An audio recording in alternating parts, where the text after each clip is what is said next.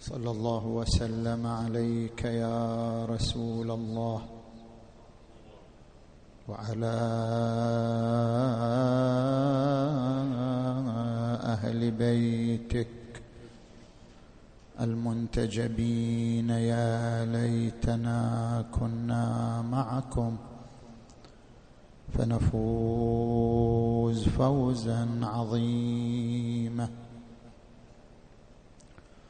صلى الله وسلم عليك يا مولاي يا أمير المؤمنين وعلى أهل بيتك الطيبين الطاهرين. أعوذ بالله من الشيطان الغوي الرجيم. بسم الله الرحمن الرحيم. ويقول الذين كفروا لست مرسلا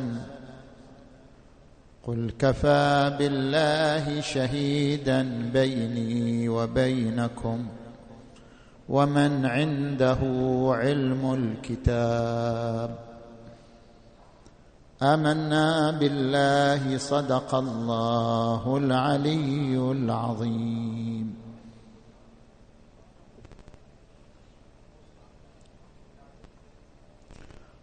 انطلاقا من الآية المباركة نتحدث في ثلاثة محاور. في تفسير الآية المباركة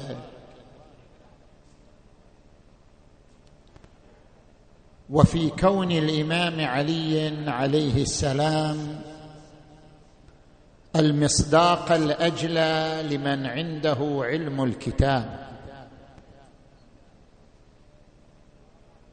وفي وفرة العلوم المجتمعة في شخصية الإمام علي عليه السلام.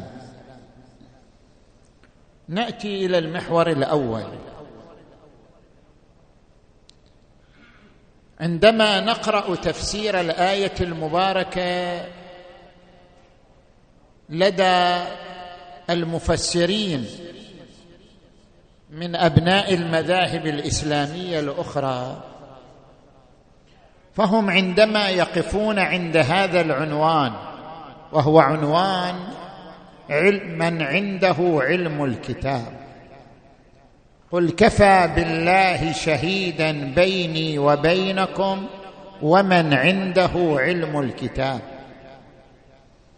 يقولون من عنده علم الكتاب هم مجموعة.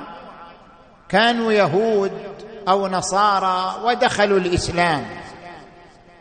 تميم الداري عبد الله بن سلام سلمان الفارسي كانوا على ديانة أخرى ثم دخلوا الإسلام. فعندما دخلوا الإسلام دعموا النبي صلى الله عليه وآله لأنهم قرأوا ما يبشر بمجيئه في الكتب السالفة كما في الإنجيل ومصدقا ب مصدقا لما بين يديه من الكتاب ومبشرا برسول يأتي من بعدي اسمه أحمد.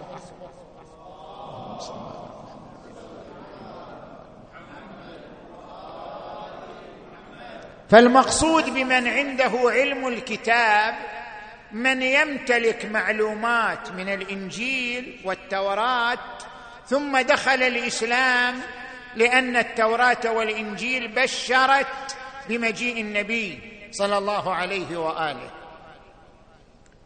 لكن هذا التفسير ليس صحيحا لوجهين.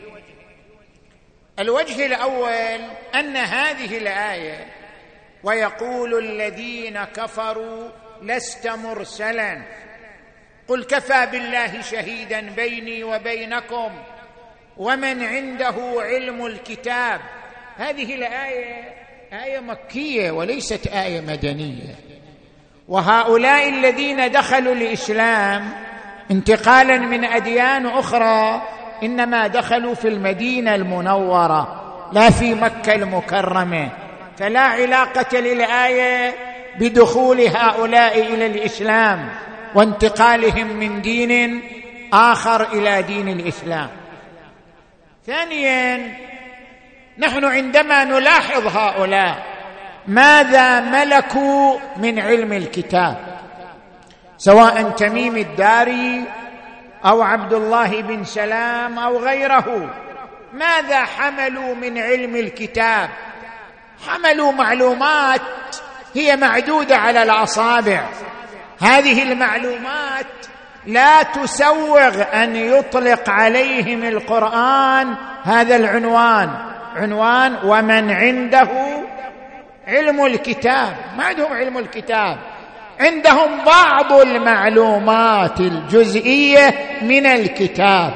وليس لديهم علم الكتاب.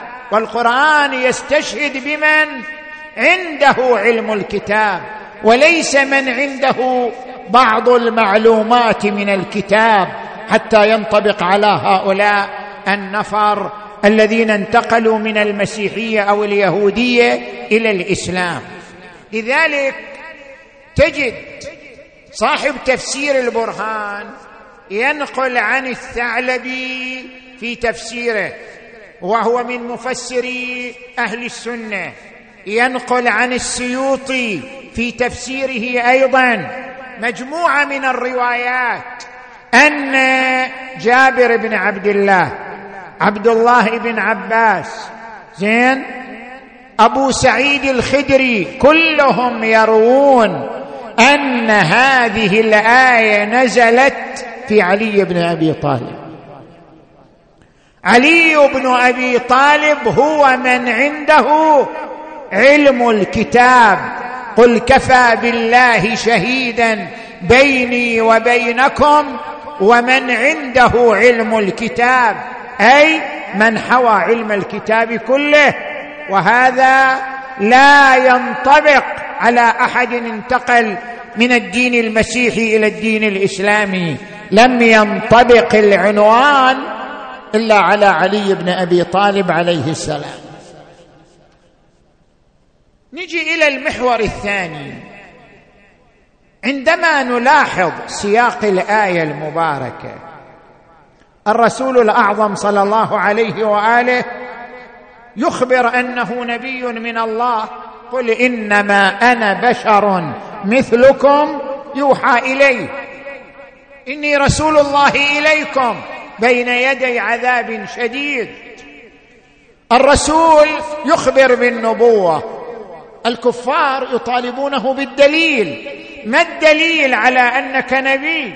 ما الدليل على أنك رسول؟ ويقول الذين كفروا لست مرسلا. ما هو دليلك؟ قل كفى أنا عندي شاهدان. عندي دليلان يشهدان على نبوتي. عندي شاهدان يشهدان على صدق دعوتي. قل كفى بالله شهيدا بيني وبينكم ومن عنده علم الكتاب. ما وجه هذا الاستشهاد؟ يعني ليش الرسول يستشهد بالله ومن عنده علم الكتاب؟ لاحظوا معي. عندما نقرأ في علم المنطق أنه لابد من السنخية بين الدليل وبين النتيجة. يعني أنت إذا تريد تستدل بدليل لابد أن تأتي بدليل من سنخ النتيجة ومن سنخ المعلومة التي تطرحها. مثلا إذا كانت المعلومة رياضية لابد أن يكون الدليل من علم الرياضيات. إذا كانت المعلومة تجريبية لابد أن يكون الدليل تجريبيا. إذا كانت المعلومة فلسفية لابد أن يكون الدليل من الفلسفة. كل فكرة دليلها من سنخها وليس دليلها اجنبيا عنها. يعني مثلا عندما تقول زوايا المثلث تساوي قائمتين طيب هذه فكرة رياضية. لازم نجيب دليل من الرياضيات على صحتها. عندما تقول الماء إذا بلغ درجة حرارته مئة فإنه يغلي. هذه معلومة تجريبية. لابد أن تقيم دليلا تجريبيا لإثبات صحة المعلومة. عندما تقول مثلا الشيء ما لم يجب لم يوجد. هذه معلومة فلسفية. لابد أن تقيم دليلا فلسفيا. أي فكرة دليلها؟ من سنخها. النبي طرح فكرة. قال أنا رسول الله. الرسالة هي اتصال بعالم الغيب. النبوة هي عبارة عن اتصال بين عالم المادة وعالم الغيب وعالم ما وراء المادة. هذا معنى النبوة. اذا بما أن النبوة فكرة غيبية فكرة خارقة لنواميس الطبيعة. مو من الطبيعي أن الإنسان في عالم المادة ويتصل بعالم الغيب. هذا شيء غير طبيعي. بما أن النبوة فكرة خارقة لنواميس الطبيعة لا بد أن يكون الدليل عليها أيضا شنو؟ امرا خارق لنواميس الطبيعة. لا بد أن يكون الدليل على صدق النبوة دليلا خارقا لنواميس الطبيعة. يعني شنو دليلا خارقا؟ يعني دليل إعجازي.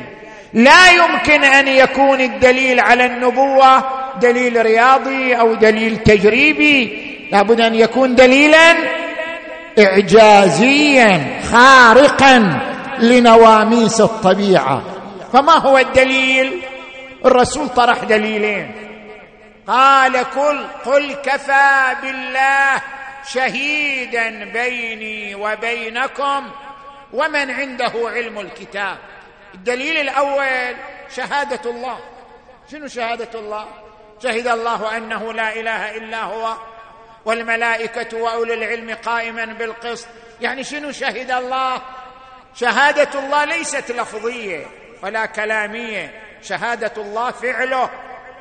عندما يشهد الله بالوحدانية يعني يقيم دلائل وشواهد على الوحدانية. سنريهم آياتنا في الآفاق وفي أنفسهم حتى يتبين لهم أنه الحق.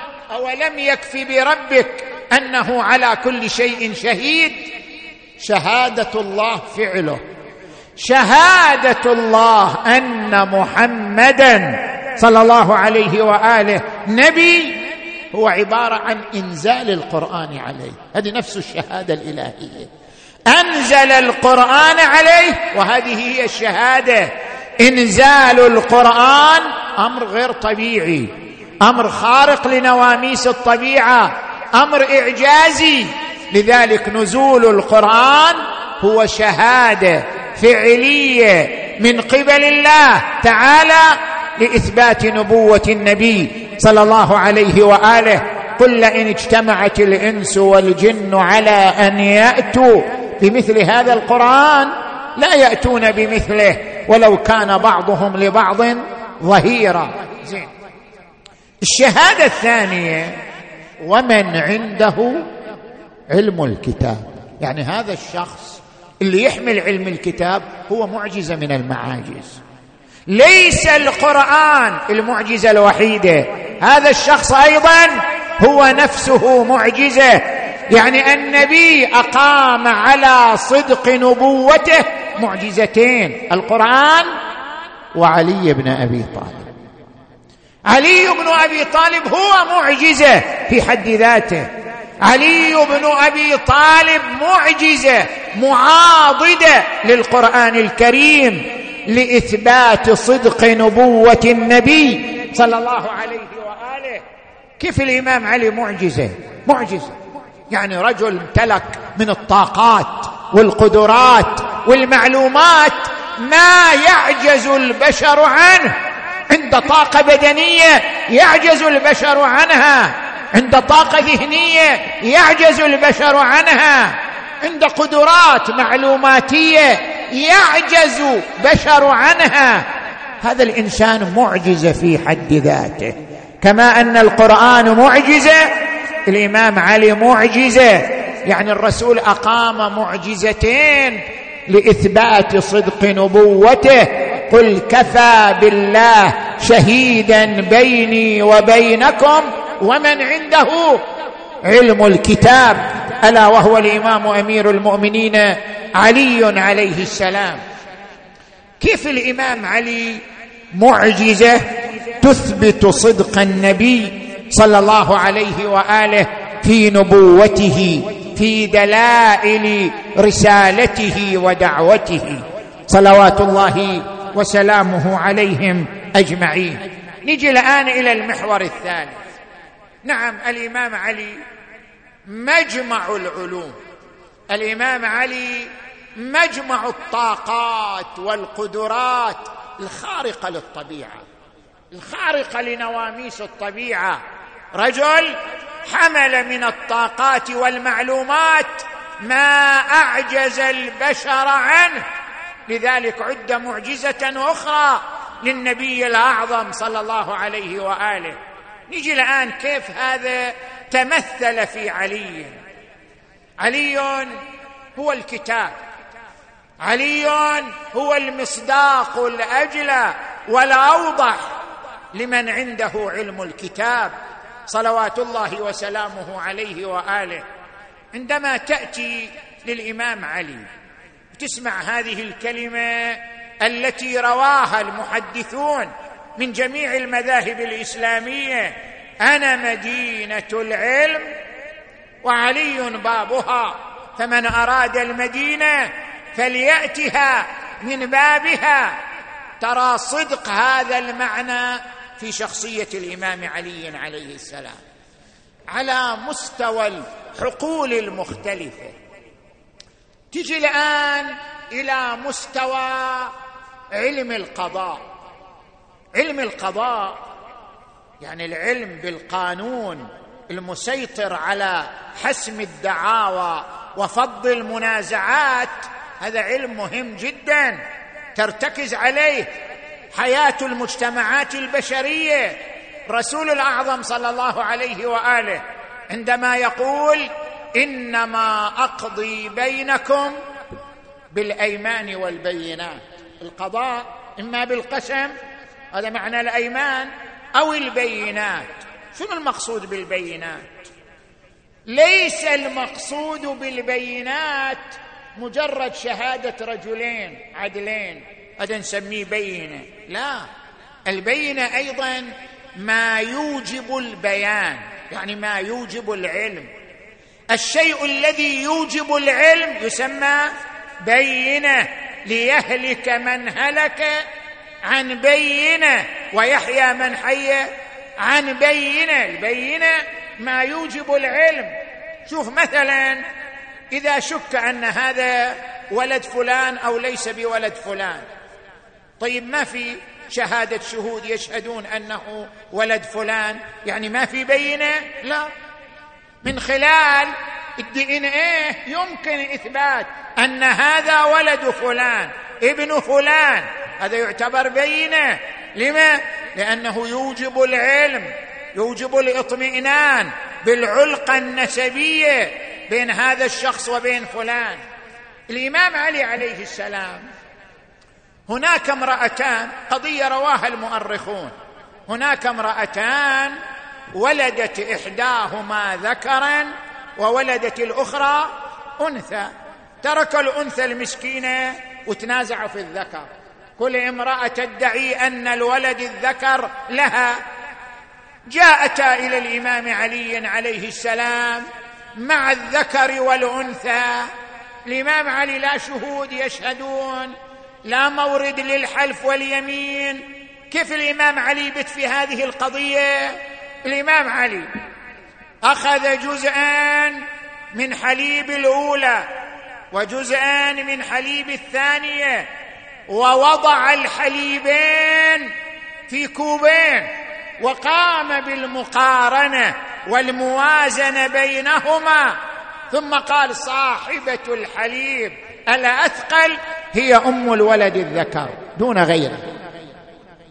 انت من تجي إلى هذه التجربة وهذه التجربة تحصل قبل 1400 سنة من الآن. وبعدين تجي ترى ما يؤكد ذلك علميا. تجي إلى مجلة ساينتفك أمريكان هذه المجلة مجلة علوم أمريكية تنقل عام 2012 في ديسمبر. تنقل هذه التجربة. تجربة أقيمت. في كينيا على مجموعة من النساء. ذوات أولاد ذكور ذوات أولاد إناث. اكتشف أن الحليب المعد للولد الذكر أكثر كثافة من الحليب المعد للولد الأنثى. يعني عندما تأخذ كوبين زين؟ كوب من الحليب المعد للذكر كوب من الحليب المعد للانثى الأكثر كثافة هو الحليب المعد للولد الذكر. لاحظت شلون؟ على مستوى علم القضاء يتحدث علي بن أبي طالب. أقضاكم علي. على مستوى علم القضاء يقول سلوني قبل أن تفقدوني. تجي إلى علم النفس. علم النفس. عندنا نظرية مشهورة في علم النفس نظرية فرويد أن قوى الإدراك عند الإنسان ثلاث الأنا الأنا الأعلى الهو شنو الفرق بين القوى الثلاث؟ يقول لك مثل الجبل الجليدي. شلون الجبل الجليدي؟ لا يظهر منه إلا مستوى عشرة بالمئة. وباقي الجبل تحت الجليد مغطى بالجليد. الإنسان أيضا كذلك. مستوى الوعي عنده بس عشرة بالمئة. وما تسعين بالمئة هو داخل في منطقة اللاوعي. يعني السلوك الواعي من الإنسان هو مقدار عشرة بالمئة مو أكثر. الباقي داخل تحت منطقة اللاوعي. عدنا الأنا الأنا هي العقل الواعي الذي يخطط يبرمج يهدف يوجه.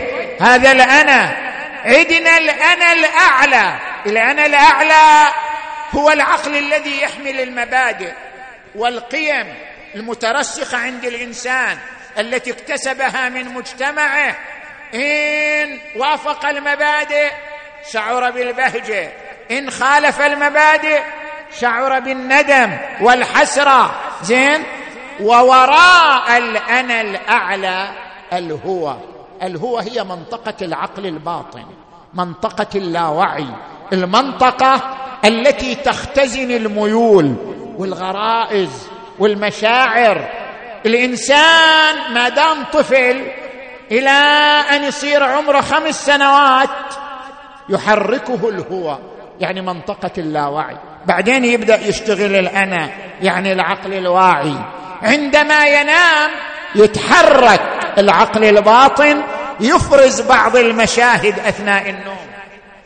اذا الإنسان يمتلك منطقة تسمى منطقة اللاوعي تسمى منطقة العقل الباطن.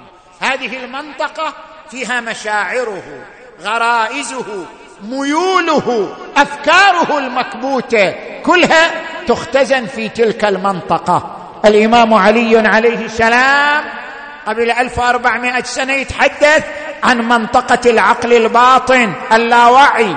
ما أضمر امرؤ في قلبه شيء إلا وظهر على قسمات وجهه أو فلتات لسانه. الإمام علي عليه السلام في دعاء كميل عندما يقول الملائكة الذين وكلتهم بحفظ ما يكون مني وجعلتهم شهودا علي مع جوارحي وكنت أنت الرقيب علي من ورائهم. والشاهد لما؟ خفي عنهم. شنو اللي يخفى على الملائكة؟ وهم كاتبون. منطقة اللاوعي في الإنسان منطقة العقل الباطن. والشاهد لما خفي عنهم. اذا الإمام علي يتحدث على صعيد علم النفس. تجي على مستوى علم الاجتماع. في علم الاجتماع هناك نظرية العقل الجمعي. العقل الجمعي هو التفكير الذي يتأثر زين بالأفكار العامة. العقل الجمعي على قسمين. عقل جمعي انفعالي وعقل جمعي فعلي. العقل الجمعي الانفعالي هو العادات والتقاليد التي يتأثر بها الإنسان ويكتسبها من حيث يشعر أو لا يشعر هو يمشي على تقاليد وأعراف مجتمعة. هذا عقل جمعي انفعالي يذكره القرآن الكريم. وإذا قيل لهم اتبعوا ما أنزل الله قالوا بل نتبع ما ألفينا عليه آباءنا عقل جمع انفعالي. أولو كان آباؤهم لا يعقلون شيئا ولا يهتدون؟ وعدنا عقل جمع فعلي. عقل الجمع الفعلي يعني أن يتبانى مجموعة من العقلاء والمفكرين على منهج معين. ومخطط معين. هذا عقل جمع فعلي يبني المجتمعات ويؤسسها. يقول القرآن الكريم ولتكن منكم أمة. عقل جمع فعلي. يدعون إلى الخير ويأمرون بالمعروف وينهون عن المنكر. ويقول القرآن الكريم والعصر إن الإنسان لفي خسر إلا الذين آمنوا وعملوا الصالحات وتواصوا. تواصوا يعني عقل جمعي. وتواصوا بالحق وتواصوا بالصبر. الإمام علي عليه السلام يتحدث عن العقل الجمعي الفعلي عندما يقول من شاور الناس شاركهم في عقولهم وعندما يقول أعقل الناس من جمع عقول الناس إليه أنت إذا تريد عقل ناضج اجمع التجارب اجمع العقول الأخرى. أعقل الناس من جمع عقول الناس إليه. زين. تجي على مستوى علم الاقتصاد. هناك في المذهب الاقتصادي الرأسمالي هذا المصطلح. الفرق بين مصادر الإنتاج ووسائل التوزيع.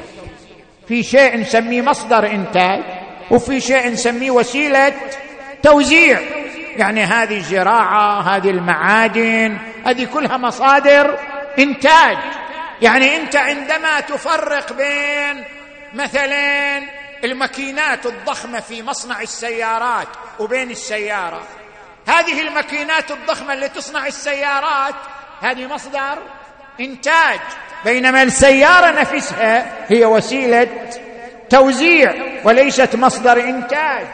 عندما نأتي إلى التجارة طيب واحد تاجر تاجر عنده خبرة في التجارة عنده مهارة في التجارة يستورد البضائع يقدمها يؤهلها للمشتري بطريقة جذابة.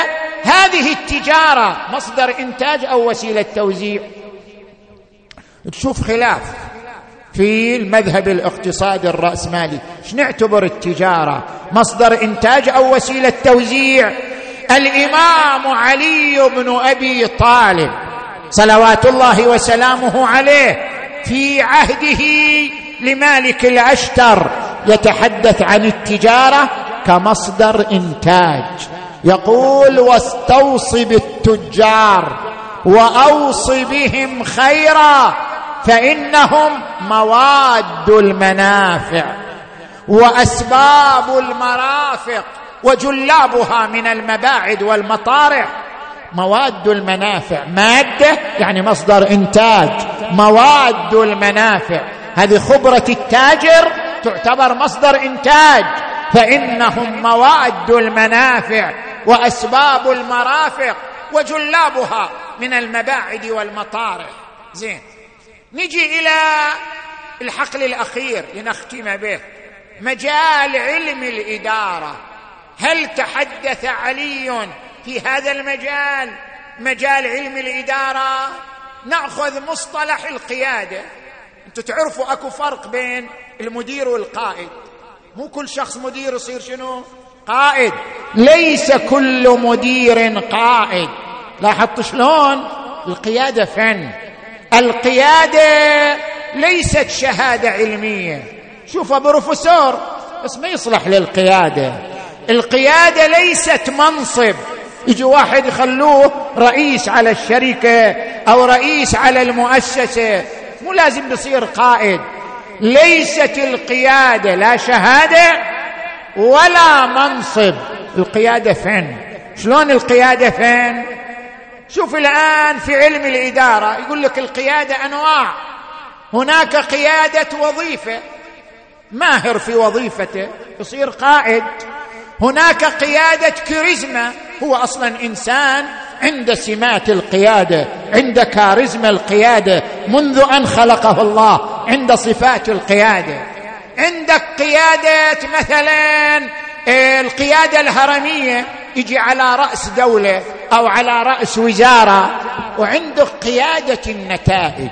قيادة النتائج يعني شنو؟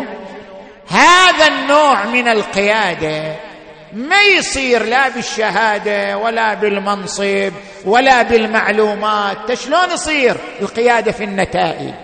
يقول لك القيادة في النتائج هو فن اختيار الظرف المناسب اختيار الموقف المناسب في الظرف المناسب بالأسلوب المناسب. هذا الفن هذا القائد. من يختار المواقف المناسبة في الظروف المناسبة بالأساليب المناسبة. هذا يسمى قائد. عند قيادة نتائج. قيادته مواقفه. قيادته نتائج أعماله. قيادته قيادة على الأرض تتحدث بنتائج مواقفه ومؤهلاته. الإمام أمير المؤمنين علي عليه السلام يمثل القيادة قيادة النتائج. يمثلها من خلال العنصرين عنصر الكفاءات والقدرات وعنصر المواقف. رجل مواقف مو رجل كلمات رجل مواقف رجل نتائج تتحقق على الأرض. لذلك الإمام علي عليه السلام يتحدث عن كلا العنصرين في شخصيته من خلال أفعاله من خلال مواقفه. العنصر الأول الانصهار بالمبادئ. علي انصهر بالمبادئ انصهر بالقيم فلا يمشي ولا يسير ولا يخط إلا في إطار القيم. صلوات الله وسلامه عليه. ألا وإن إمامكم قد اكتفى من دنياه بطمره. ومن طعامه بقرصيه ألا وإنكم لا تقدرون على ذلك. ليش نقول الإمام علي معجزة؟ حتى طاقات طاقات فوق مستوى البشر. ألا وإنكم لا تقدرون على ذلك. ولكن أعينونا بورع واجتهاد وعفة وسداد دخل عليه ابن عباس. في منطقة ذي قار بالعراق وهو يصلح نعله. التفت إليه الإمام علي قال يا ابن عباس ما قيمة هذه النعل عندكم؟ قال لا تسوى شيئا يا أمير المؤمنين. قال إنها خير لي من امرتكم إلا أن أقيم حقا أو أدفع باطلا. هذا هو الانصهار بالمبادئ. ثم يقول والله لو أعطيت الأقاليم السبعه بما تحت أفلاكها على أن أعصي الله في نمله أسلبها جلب شعيره ما فعلت. والله لو كان المال لي لساويت بينهم. فكيف وإنما المال؟ مال الله. انصهار بالمبادئ انصهار بالقيم. وتجي إلى العنصر الثاني عنصر المواقف. علي منذ أول يوم هو مواقف. ما يتكلم بمجرد كلمات وخطابات. مواقف على الأرض تتكلم. علي بات على فراش رسول الله دون الأصحاب. علي وقف بين يدي رسول الله يوم بدر وأحد. علي فارس خيبر. علي فارس الخندق. مواقف تتحدث في شخصية الإمام علي عليه السلام. لذلك يوم جمع الصحابة في منطقة الرحبة قال أولم من منكم بات على فراش رسول الله ووقاه بنفسه؟ ومن منكم جادل دون رسول الله يوم بدر وأحد بلسانه ويده وسيفه. ومن منكم قال فيه رسول الله يوم خيبر لأعطين الراية غدا رجلا يحبه الله ورسوله ويحب الله ورسوله كرارا غير فرار لا يرجع حتى يفتح الله على يديه فاشرأبت أعناق القوم أيهم يعطاها؟ فقال أين علي؟ فقالوا بعينه الرمد فجيء به فأخذ بريقه ومسح به على عينيه فعاد للقتال مظفرا منصورا. ومن منكم يوم الخندق؟ يخاطب المسلمين محمد النبي أخي وصهري. وحمزة سيد الشهداء. عمي وجعفر الذي يضحي ويمسي يطير مع الملائكة ابن أمي وبنت محمد سكني وعرسي منوط لحمها بدمي ولحمي وسبط أحمد ولداي منها فمن منكم له سهم.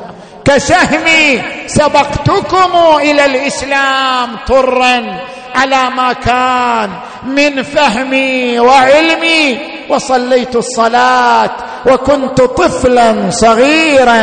ما بلغت أوان حلمي وأوجب لي ولايته عليكم رسول الله يوم غدير. خمي فويل ثم ويل ثم ويل.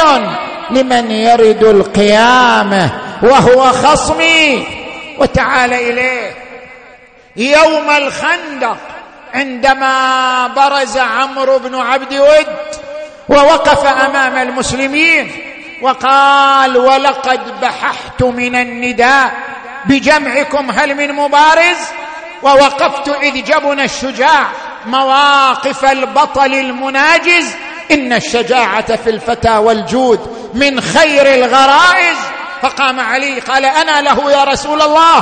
قال تقدم. قال لا تعجلن. فقد أتاك مجيب صوتك غير عاجز. إني لارجو أن أقيم عليك نائحة الجنائز من ضربة النجلاء. يبقى ذكرها عند الهزاهز.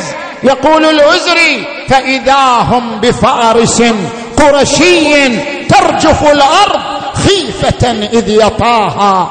قائلا ما لها سواي كفيل إنها ذمة علي وفاها.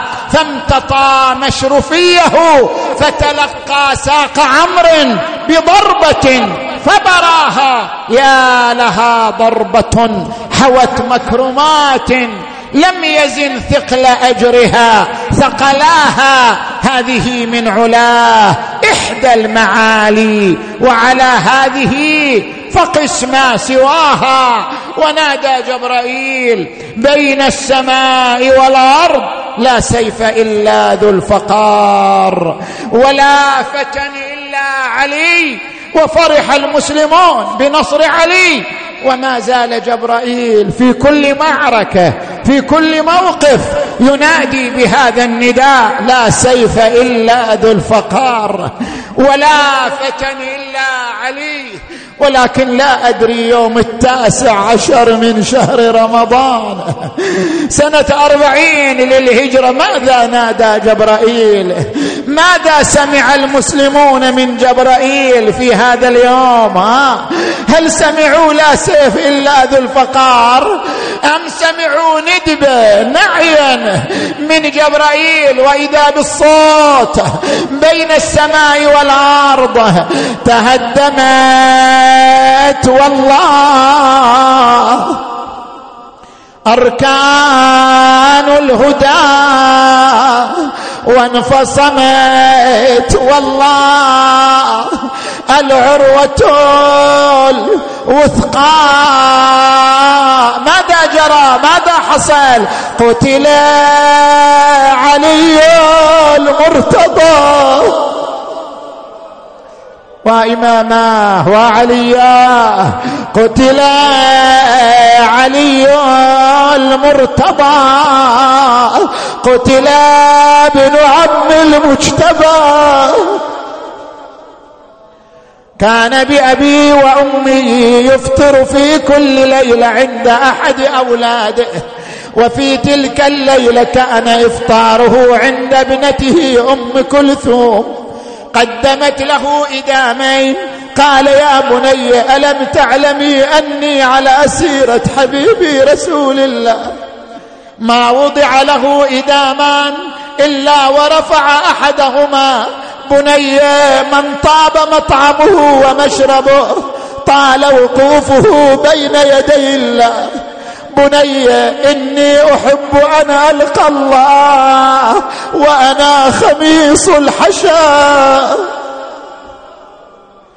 ثم قام بأبي وأمي قائما قاعدا راكعا ساجدا كأنه يتودع من العبادة ويتزود منها نام قليلا ثم جلس من نومه فزعا. أقبلت ابنته إليه أبا أمير المؤمنين ما لي أراك فزعا.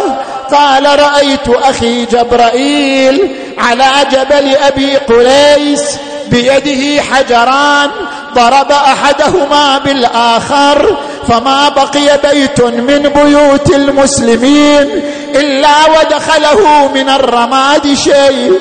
قالت أبا ما تفسير الرؤيا؟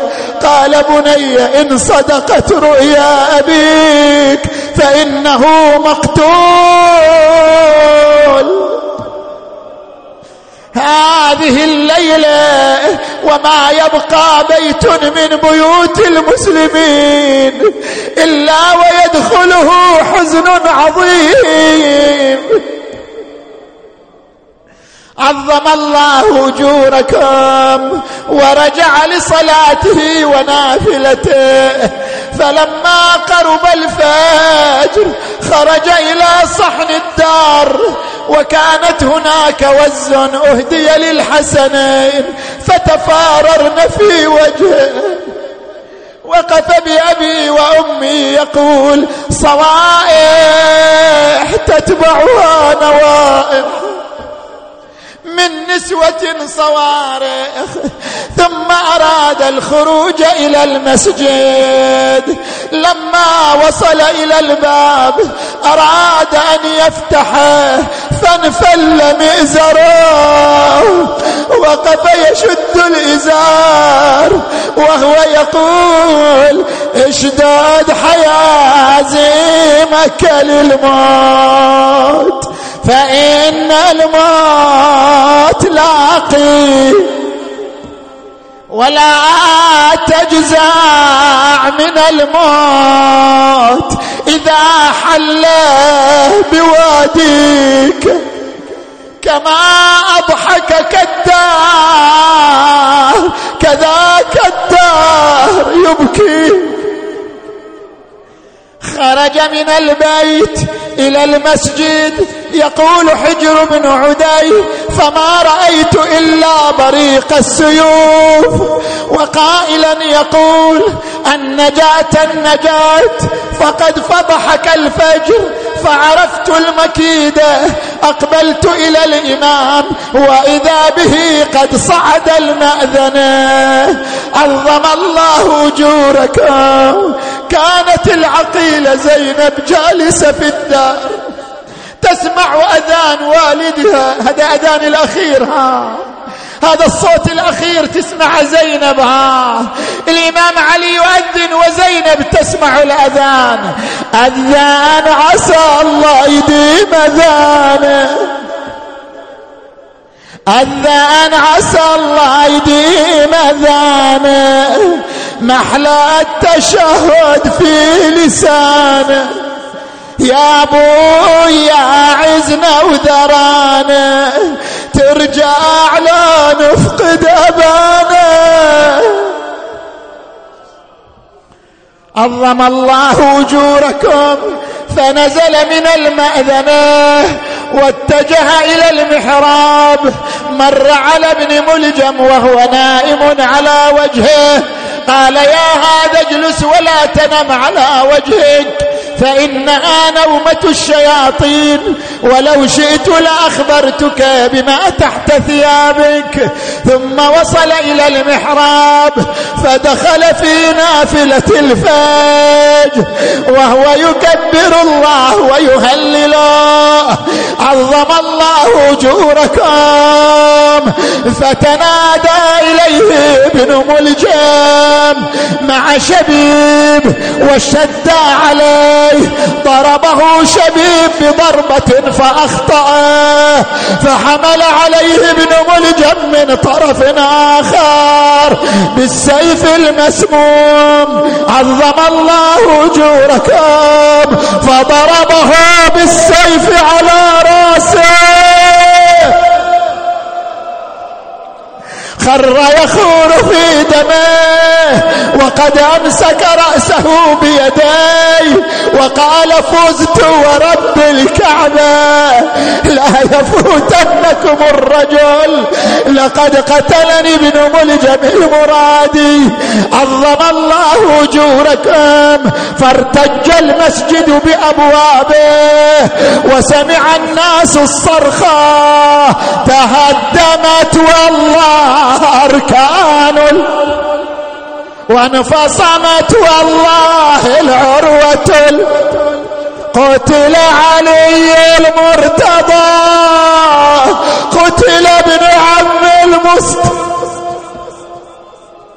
عظم الله اجوركم فتجمهرت الناس في المسجد وجاء الحسن إليه وإذا به صريع في محرابه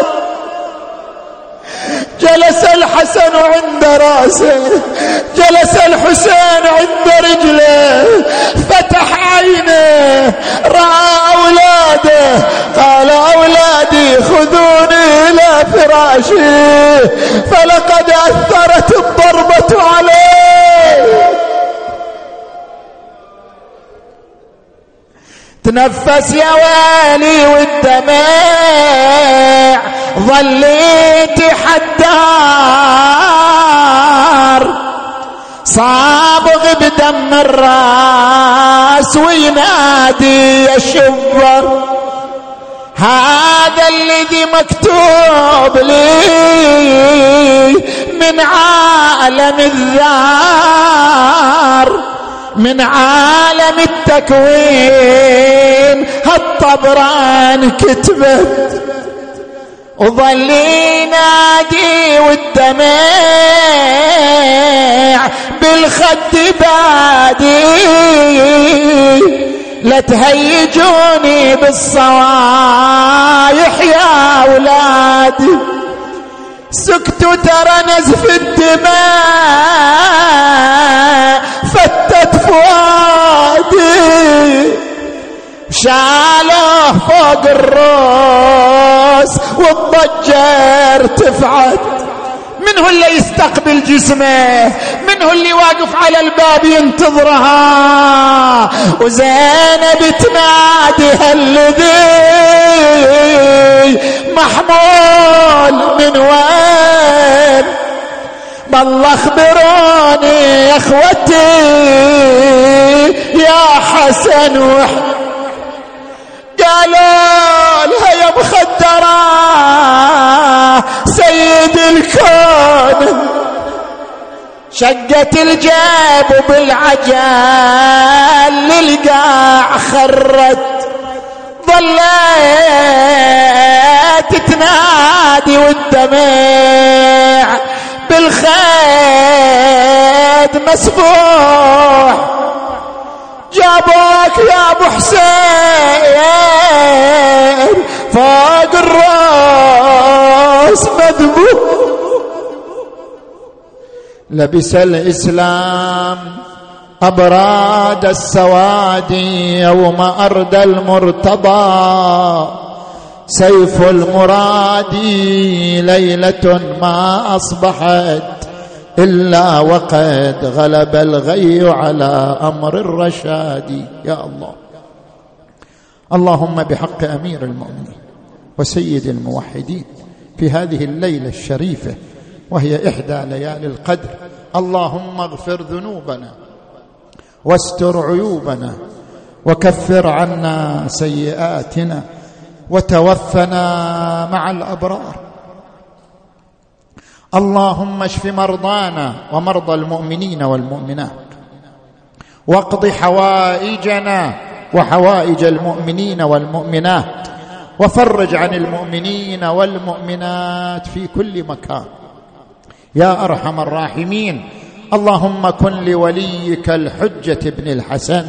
صلواتك عليه وعلى آبائه في هذه الساعة وفي كل ساعة وليا وحافظا وقائدا وناصرا ودليلا وعينا حتى تسكنه أرضك طوعا وتمتعه فيها طويلا.